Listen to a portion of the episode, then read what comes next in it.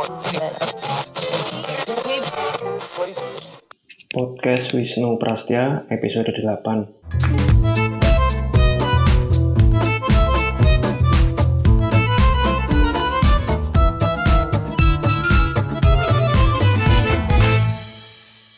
Halo, ketemu lagi di episode kali ini. Saya akan membahas tentang sayap kanan dan kiri dalam media di Inggris. Apa maksudnya sayap kanan dan kiri? Nah, ini ya kira-kira tentang sikap atau afiliasi politik media-media di Inggris. Nah, kebetulan di Inggris sekarang beberapa hari belakangan uh, mereka baru punya perdana menteri baru, Boris Johnson. Nah, di Twitter dan Instagram saya share tentang berita-berita di media-media Inggris dari yang kanan sampai yang kiri mengenai Perdana Menteri baru ini dengan framing yang kontras dan jauh berbeda jika dibandingkan. Nah, ini juga jauh berbeda kalau dibandingkan dengan media-media di Indonesia yang nada pemberitaannya setiap pasca pemilu itu pasti nadanya atau tone-nya itu hampir selalu berkaitan mengenai persatuan, rekonsiliasi dan bersatu kembali dan seterusnya kayak gitu. Nah, kira-kira media-media mana saja di Inggris yang ada di sayap kanan dan atau kiri, lalu apa sebenarnya sayap kanan kiri itu dan bagaimana preferensi politik media-media di Inggris ini bisa terbentuk. Nah, di podcast episode kali ini saya akan mencoba uh, membahasnya karena studi kasus di Inggris ini menarik karena kalau teman-teman yang belajar kajian media akan tahu bahwa Inggris ini uh, jadi salah satu negara yang sudah lama dikenal memiliki sistem media yang sangat partisan dan kemudian melahirkan uh, genre jurnalisme tabloid. Kalau teman-teman yang mengikuti podcast saya yang uh, dua episode yang lalu yang tentang jurnalisme kuning akan uh, tahu apa itu jurnalisme tabloid atau jurnalisme kuning ya. Ini genre yang kira-kira dituduh sebagai standar paling rendah dari diskursus publik dalam jurnalisme karena ia hanya fokus memberitakan hal-hal yang sensasional dan minim substansi. Ya, kalau ini terdengar familiar ya dengan beberapa media di Indonesia. Nah, sistem media yang sangat partisan ini yang kemudian menarik untuk kita pelajari dari Inggris. Nah, eh, sebelum masuk lebih jauh untuk mendiskusikan tentang apa itu sayap kanan dan sayap kiri, saya ingin mengajak teman-teman untuk membahas tentang uh, dasarnya dulu. Ketika kita bicara tentang uh, relasi antara media dan politik. Nah, dalam teori teori uh, kajian media ada ada yang disebut sebagai political parallelism.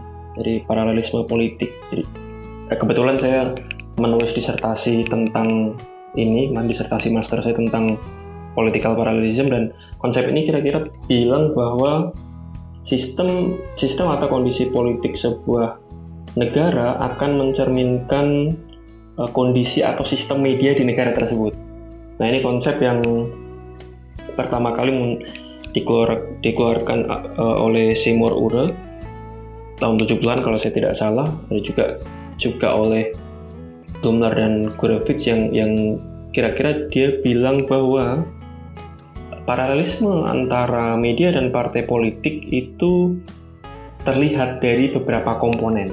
Pertama, organisasi. Jadi secara organisasi ada irisan antara media dan partai politik kayak gitu. Kemudian ada yang kedua, komponen yang kedua adalah goals atau program dan taktik yang sama bahwa partai politik punya tujuan tertentu, punya visi ideologi tertentu, dan kemudian yang tercermin dari dari media-media yang ada. Yang ketiga, uh, anggota atau ya bisa disebut supporter bahwa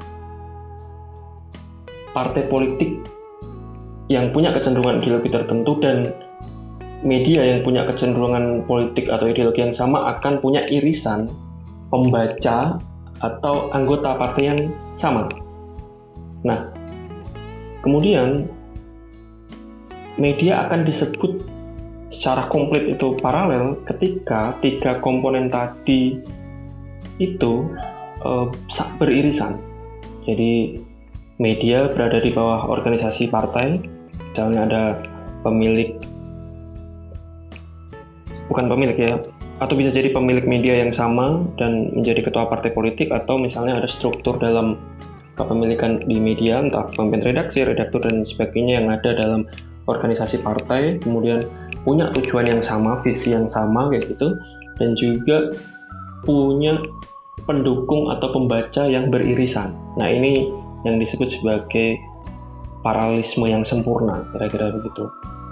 Nah, konsep ini sendiri juga di apa dimunculkan atau diperkuat oleh ada ada yang namanya Halin dan Mancini yang di bukunya yang judulnya Comparing Media Systems uh, bilang bahwa media tidak hanya paralel ketika dia secara organisasi berada di bawah partai politik, tetapi juga dia punya kepentingan yang sama dengan partai politik.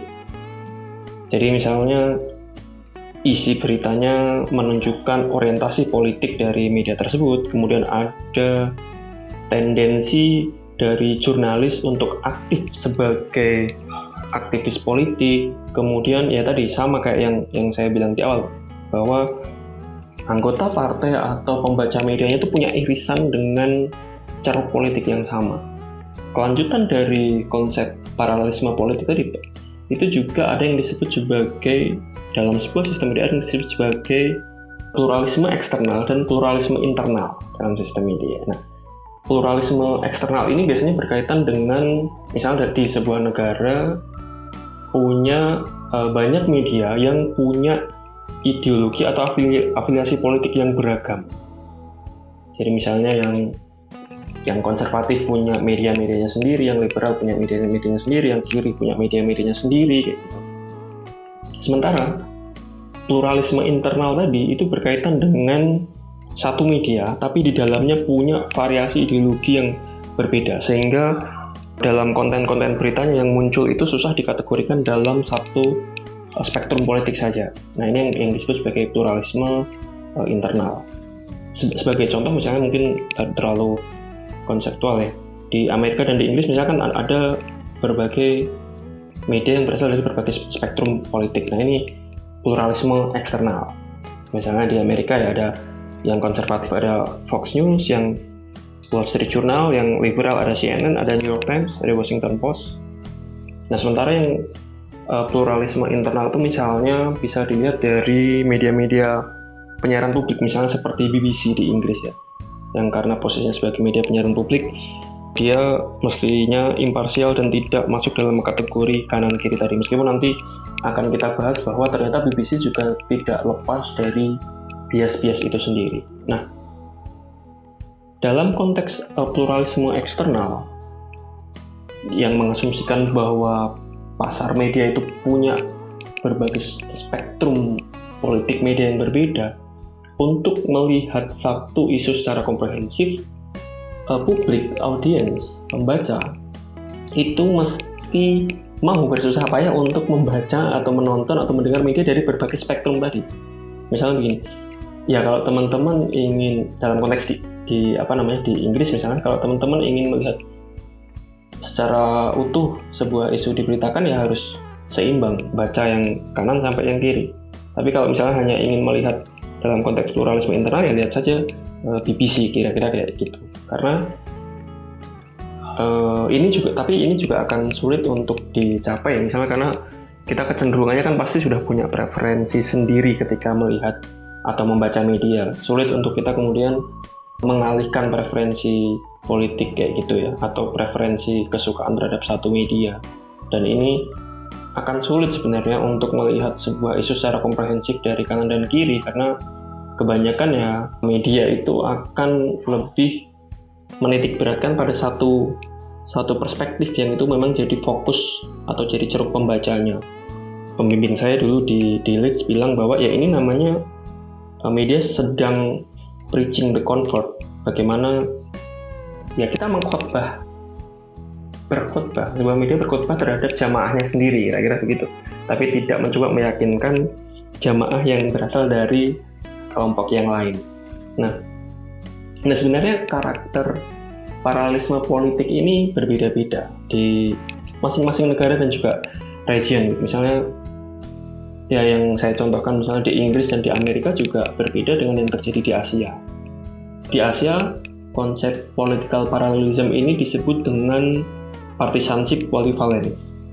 Nah, partisanship polyvalence ini konsep yang di, dikeluarkan oleh Duncan McGargo yang kira-kira mencoba mengkontekstualisasikan teori paralelisme politik tadi di luar negara-negara barat termasuk di Indonesia. Nah, apa yang disebut oleh polyvalence partisanship tadi oleh McCargo adalah bahwa ya di negara-negara non-western misalnya seperti di di Jepang, di Korea, di Thailand juga di Indonesia, media itu tidak bisa dilihat sebagai organisasi media, tidak bisa dilihat sebagai satu kesatuan yang utuh. Alih-alih sebagai satu kesatuan yang utuh, kata Mekarku, ya organisasi media itu mesti dilihat sebagai organisasi yang dia berbicara dengan uh, berbagai lidah, banyak lidah yang bersuara di dalam. Sehingga susah untuk kemudian kita kategorikan uh, bahwa media ini, misalnya di Indonesia ya, akan sulit mengkategorikan apakah media ini konservatif misalnya, apakah media ini uh, liberal, atau bahkan media ini kiri di Indonesia sekarang ya saya, saya, saya kira akan akan sulit ya. karena seperti yang dibilang oleh Megargo di Indonesia itu paralelisme politik tadi dalam konteks di sebenarnya tidak hanya di Indonesia di Asia itu tidak melulu berkaitan dengan apa eh, ikatan formal dengan organisasi partai tapi lebih banyak berkaitan dengan koneksi personal dengan aktor-aktor politik jadi meskipun kemudian media bisa mengekspresikan representasi politik tertentu yang menunjukkan keberpihakan mereka, tetapi di dalam organisasi media itu akan selalu kelihatan bahwa suaranya itu pasti berbeda-beda. Misalnya kalau teman-teman membaca media-media di Indonesia pasti akan kesulitan untuk memetakan eh, dan menarik benang merah, merah kepentingan politik sebuah media berdasarkan kurun waktu tertentu. Makanya kita akan kesulitan karena di setiap misalnya di setiap uh, pemilu siapa yang didukung itu pasti berubah. Ini yang tidak akan kita dapatkan ketika membaca media-media di uh, di Inggris atau di Amerika yang yang apa relatif lebih stabil ya dukungan yang mereka tunjukkan melalui endorsement yang muncul di setiap pemilihan umum kayak gitu. Nah, oke, okay. sorry kalau terlalu konseptual ya. Nah, tapi kita kembali ke media-media di Inggris dan apa kaitannya dengan paralelisme politik tadi. Jadi kira-kira begini, buat buat teman-teman yang hmm, tidak tidak belajar apa namanya sistem politik khususnya di Inggris ya. Jadi kira-kira Inggris ini kan sistem politiknya demokrasi parlementer dan uh, dia punya dua partai besar konservatif atau Tory dan Labour partai buruh. Nah, kira-kira ada juga beberapa partai yang lebih kecil, misalnya ada, ada Liberal Demokrat di Scotland itu ada SNP kayak gitu di Northern Ireland ada Sinn Féin, ada DUP dan dan seterusnya. Nah, kira-kira media di Inggris itu mencerminkan pembelahan politik yang serupa kayak gitu. Nah, pembelahan politik ini tidak hanya muncul ketika pemilihan umum, tetapi juga secara umum, secara, secara umum hampir terjadi di setiap kesempatan yang berdasarkan apa ya kategorinya isu per isu kayak gitu. Misalnya ya dalam dalam pemberitaan terpilihnya Boris Johnson sebagai Perdana Menteri Inggris yang baru, ya media-media sayap kanan di Inggris yang selama ini punya kecenderungan mendukung partai konservatif, yang melihat terpilihnya Boris ini dengan dengan sangat optimis. Misalnya kayak uh, Daily Telegraph itu membanggakan bahwa uh, Boris Johnson ini pernah jadi kolumnisnya dan sekarang jadi perdana menteri. Oh ya belum, buat yang belum tahu, Pak Boris ini dulu mantan wartawan. Dia pernah bekerja di The Times, di Spectator, dan belakangan jadi kolumnis tetap di Daily Telegraph. Jadi dia mantan wartawan, kemudian jadi anggota parlemen, pernah jadi menteri, menteri luar negeri juga, pernah jadi wali kota London, dan sekarang jadi perdana menteri di Inggris. Jadi di media-media sayap kanan tadi, yang jadi alma maternya juga ya, itu dia dipotret secara positif dan memberikan harapan bahwa ini adalah harapan Inggris untuk melewati salah satu periode turbulensi politik terbesarnya di era pasca perang dunia kayak gitu. Nah, itu di media-media sayap kanan. Sementara di di media-media sayap kiri nadanya itu sangat negatif. Misalnya ketika teman-teman membaca The Independent, teman-teman akan melihat headline sehari setelah Pak Boris terpilih bahwa Inggris saat ini berada di the darkest hour, di masa-masa tergelapnya. Itu kelihatan di Daily Mirror juga, di The Guardian juga, di New Statesman juga, bahwa intinya kira-kira Inggris sekarang di bawah pemerintahan yang baru, di bawah pemerintahan Pak Boris akan terpuruk dan menjadi laughing stock, bahan tertawaan kira-kira gitu. Nah, kenapa ini bisa terjadi? Nah, terkait dengan kontrasnya pemberitaan ini, ada survei menarik juga dari dari YouGov tentang bagaimana masyarakat Inggris melihat seberapa left wing atau seberapa right wing sebuah media kayak gitu. Kalau berdasarkan kategori dari dari surveinya YouGov ini yang yang dianggap paling kanan itu Daily Mail. Jadi lebih dari 44% masyarakat Inggris melihat Daily Mail sebagai uh, media yang very right wing. Sementara di kiri spektrum tadi ada The Guardian yang yang disebut sebagai di dalam surveinya YouGov ini sebagai Britain's most left wing newspaper. Ya meskipun ada banyak yang tidak dimasukkan dalam surveinya YouGov ini ya. Misalnya teman-teman kalau melihat secara lebih umum di, di Inggris juga lahir media-media alternatif seperti ada The Canary, ada juga Novara Media dan itu lebih kiri lagi dari The Guardian karena beberapa pegiatnya itu yang mengaku mereka komunis, misalnya Novara Media. Teman-teman coba nanti lihat di akun Twitternya Novara atau juga di YouTube-nya Novara itu menurut saya menarik ya memberikan perspektif. Tapi kira-kira itu jauh lebih kiri dari The Guardian. Bahkan beberapa apa ya, beberapa penulis, beberapa wartawan melihat The Guardian itu bukan media kiri. Karena mereka lebih kiri, kira-kira kayak gitu. Nah, ya kira-kira secara lebih singkat kalau berdasarkan survei YouGov yang ya tidak tidak me, mencakup semua media ya di Inggris, tapi yang yang kanan atau juga uh, center right misalnya ada Daily Mail, ada The Sun, ada Daily Express, yang lebih moderat ada The Economist, Daily Telegraph, The Times. Sementara yang di, yang di kiri ada The Guardian, uh, The Independent, New Statesman, ada Daily Mirror. Nah, jadi kalau, kalau di Inggris, basis pembelahannya itu berdasarkan ideologi atau sikap politik media-media tersebut. Seperti yang saya bilang ya, pembelahannya ini muncul di berbagai isu. Misalnya dari cara pandang terhadap imigran, Islamofobia, antisemitisme, dan banyak lainnya.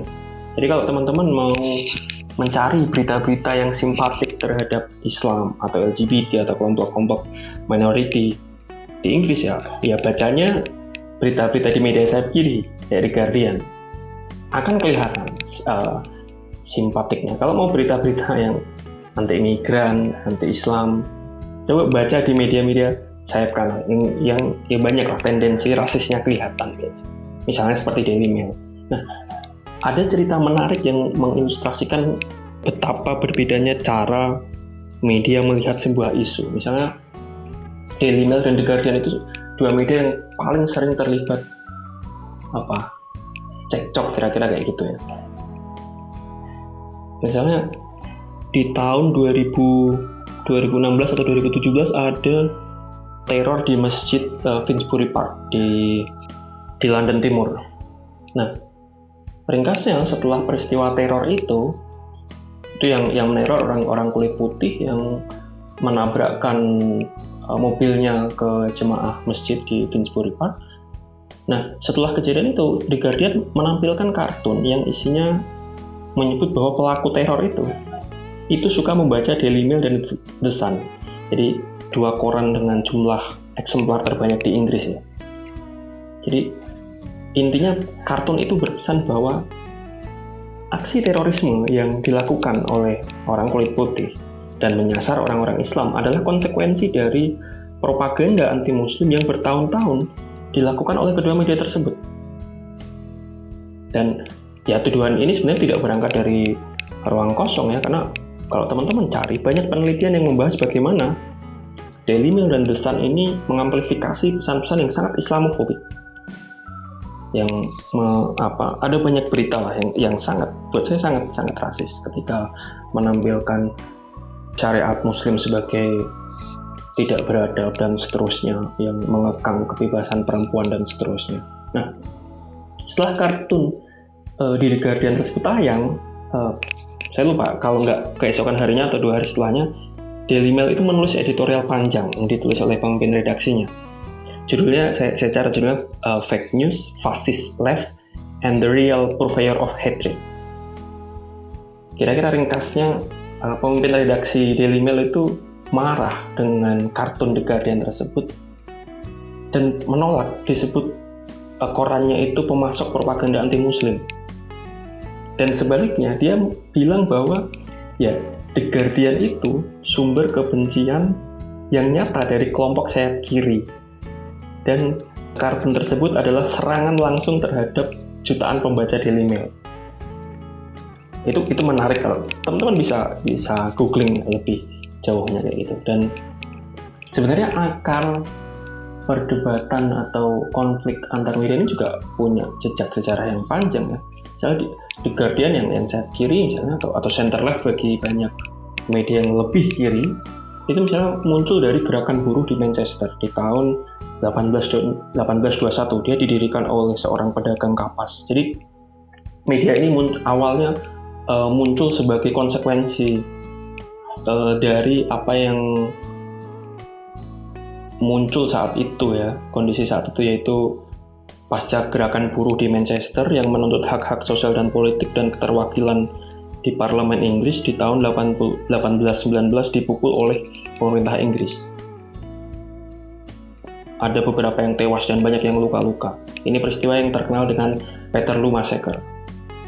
Nah, jadi awalnya The Guardian ini muncul sebagai respon uh, untuk menyuarakan suara kelas pekerja di Manchester. Makanya awalnya namanya itu bukan The Guardian tapi Manchester Guardian karena awalnya pusatnya ada di Manchester baru kemudian pindah ke London dan sejak itu kemudian ya The Guardian menjadi suara kelas pekerja dan di setiap pemilu setelah partai buruh lahir kayak gitu ya dia selalu hampir selalu mengendorse partai buruh nah kapan-kapan saya akan bahas lebih jauh soal The Guardian ini nah sebaliknya Daily Mail sendiri juga punya sejarah panjang di sebelah kanan tradisi politik Inggris.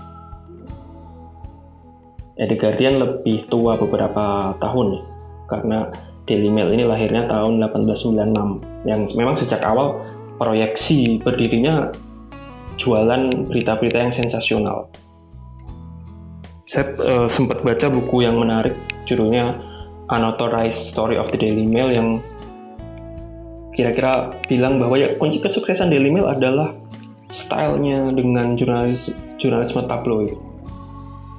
Mereka mencoba memahami orang-orang dengan bahasa yang sederhana dan sensasional agar bisa engage dengan komunitas pembacanya ya.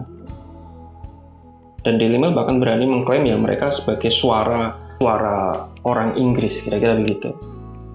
Dan konten-konten berita yang sensasional ini sengaja sebagai sebuah strategi marketing untuk menggait pembaca. Mereka sengaja menggunakan bahasa-bahasa yang eksplosif untuk mentarget uh, emosi dari pembacanya. Dan ini sudah berjalan puluhan tahun dan membuat uh, Daily Mail itu berhasil uh, apa namanya menjadi bahan bacaan orang-orang di pub ya. Jadi tempat paling populer bagi orang-orang Inggris untuk bersosialisasi kayak gitu. Dan kemudian di hampir di setiap pemilu ya The Guardian mengendorse uh, partai konservatif kecuali kalau tidak salah di tahun 97 apa ya ketika dia mengendorse Tony Blair dari dari Partai Buruh. Nah, lebih lengkapnya tentang Daily Mail ini teman-teman bisa baca di paper saya yang pernah saya tulis dan saya post di akun akademia.edu. Nah, lalu belajar dari media-media Inggris tadi, ada beberapa teman yang bertanya apakah kemudian di Indonesia media media yang ada juga bisa dikategorikan dalam kategori kanan dan kiri tadi. Nah, saya sendiri akan menjawab sangat susah untuk memetakan media-media di Indonesia dengan kategori-kategori politik seperti di Inggris ya. Karena seperti yang saya bilang di atas, basis pembelahan media di Indonesia tidak berdasarkan uh, ideologi, tapi lebih kepada posisi politik atau kedekatan personal. Dan ini bisa berubah-ubah sewaktu-waktu. Dan di awal tadi saya bilang bahwa ya ini yang membuat di setiap pemilu sikap media ini berubah-ubah. Ini yang sulit kita temui di media-media di Inggris misalnya. Makanya teman-teman akan melihat seperti media-medianya Haritano yang di 2019 mendukung uh, Jokowi dan sementara di tahun 2000 tahun 2014 mendukung Prabowo dan tahun-tahun sebelumnya mendukung uh, sempat mendukung Hanura dan dan seterusnya pasti selalu sangat dinamis perubahannya jadi ada perbedaan dengan kondisi uh, objektif yang muncul dalam politik di Inggris oh ya kalau teman-teman belajar ingin belajar memahami media-media di Inggris ada film yang menarik yang buat saya menjadi pengantar yang menarik ya, untuk memahami apa yang terjadi dengan media-media di Inggris kayak gitu. Judulnya Press. Ini tentang tentang wartawan-wartawan dan apa dan ya kehidupan media di Inggris kayak gitu. Ya ini mencerminkan real uh, real apa kondisi realnya yang yang ada di Inggris.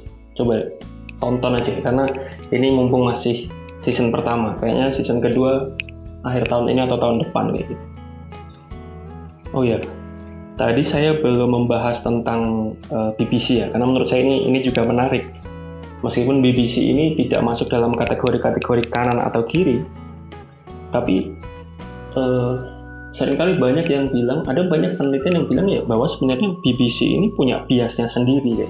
Cuma karena dia posisinya sebagai media media publik gitu ya dia kayak TVRI gitu ya. Dia secara aturan itu harus imparsial. Dan dalam musim politik dia bukan musim politik musim pemilu dia harus memberikan ruang yang sama untuk berkampanye bagi masing-masing partai politik yang ada itu ada, ada aturannya tapi kayaknya akan saya bahas lain kali saja karena mungkin nggak pas kalau dibahas kali ini ya nah jadi kayaknya kira-kira begitu dulu buat uh, episode kali ini.